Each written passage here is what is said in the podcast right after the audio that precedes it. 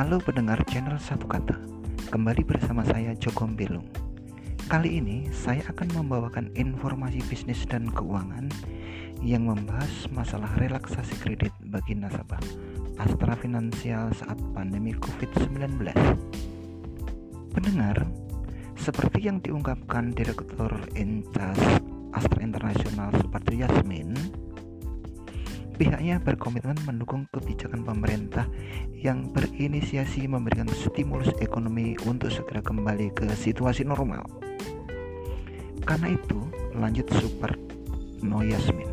Sejak terjadinya pandemi virus corona hingga tanggal 17 Mei, perusahaan pembiayaan Astra Finansial telah melakukan relaksasi kredit konsumen dengan total mencapai 21,9 triliun Nilai ini untuk 792.000 nasabah kendaraan roda 2 dan kendaraan roda 4. Jumlah pembiayaan Astra Finansial yang direstrukturisasi ini, lanjut Suparno Yasmin, mencapai 41% dari total restrukturisasi di industri pembiayaan nasional.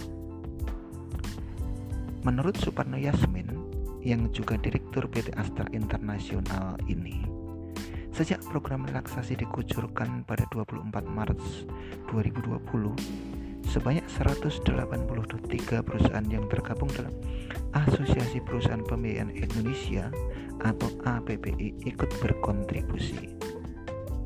Tiga di antara 183 perusahaan itu adalah perusahaan pembiayaan retail milik Astra Finansial, yaitu ACC dan TAF untuk pembiayaan kendaraan roda 4 serta VIP Group untuk pembiayaan kendaraan roda 2. Demikian informasi bisnis dan keuangan dari channel Satu Kata.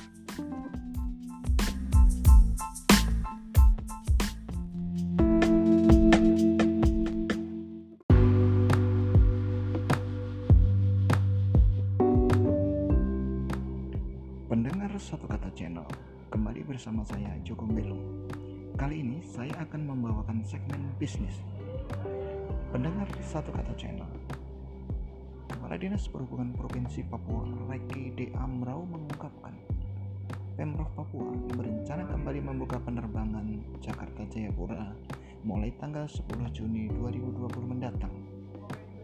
Reki mengatakan, pengaturan transportasi udara itu hanya diperlakukan untuk penerbangan langsung dari Jakarta Jayapura atau sebaliknya untuk penerbangan ini akan dilayani maskapai penerbangan, yakni Garuda Indonesia, Lion Air, Citylink, Sriwijaya, dan Batik Air.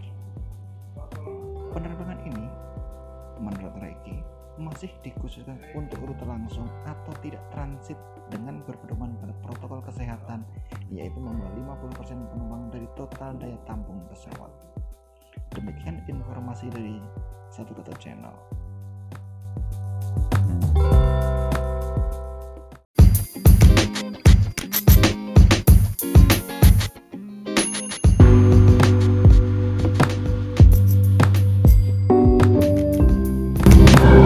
Bersama saya Joko Belo.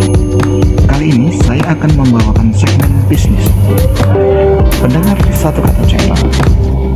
Kepala Dinas Perhubungan Provinsi Papua, Leki D. Amrau mengungkapkan Pemprov Papua berencana kembali membuka penerbangan Jakarta Jayapura mulai tanggal 10 Juni 2020 mendatang.